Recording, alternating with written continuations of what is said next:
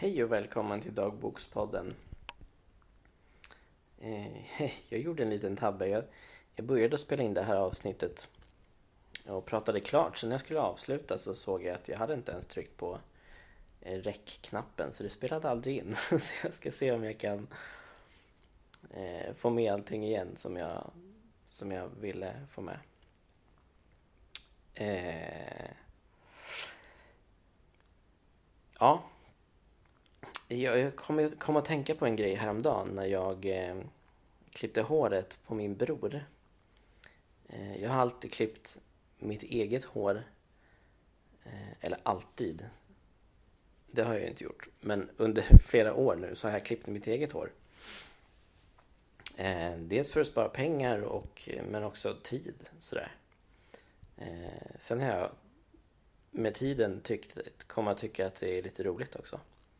Och jag har även klippt hela min familjs hår nu och sen nu senast klippte jag min bror där häromdagen. Ehm, och det jag kom att tänka på då just med den grejen att jag eh, jag har kommit att tycka att det är kul men det är nog hör ihop med att jag har blivit ganska bra på att klippa hår. Eh, och då slog det mig att att jag är bra på ganska mycket saker. Inte att jag är nödvändigtvis jättebra eller sådär eh, på saker, men jag, är, jag, är, jag behärskar väldigt mycket. Eh, så. Även nya grejer som jag lär mig har jag, har jag ganska lätt för att ta till mig och lära mig. Eh, och behärskar väldigt bra. Um, och då tänkte jag på vad det kan bero på och sådär. För vissa människor har ju väldigt lätt för att lära sig nya saker.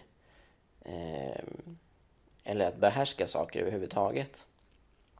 Och andra människor har svårare för det. Eh, och då funderade jag lite på om det finns någon anledning till det finns det ju såklart, men vilka anledningarna kan vara. Och det ska jag komma tillbaka till lite senare. Ehm, men det jag tänkte också på då att jag, som nog hör ihop med det här, att jag eh, är bra på mycket saker. Ehm,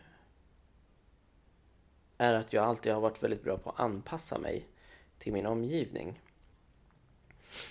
Ehm, dels har jag så här, jag har minnen av att jag eh, när jag umgås när jag umgicks mycket med en person eh, som skrattade på ett speciellt sätt så tog jag efter det skrattet lite grann.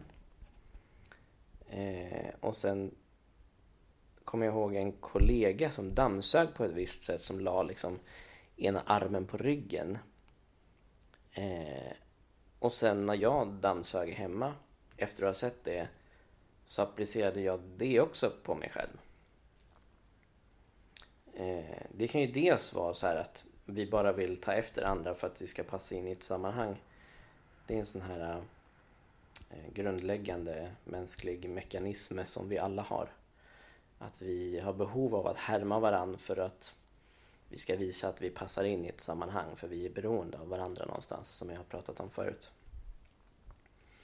Eh, men också faktiskt att jag, att jag är väldigt bra på att anpassa mig till min omgivning eh, för att passa in sådär. Eh, och, och det jag tänkte på då också var vad det har för koppling till att vara högkänslig. För jag är ju högkänslig, eller HSP. Eh, och att det säkert har en koppling, tänker jag. För som högkänslig så känner vi mer.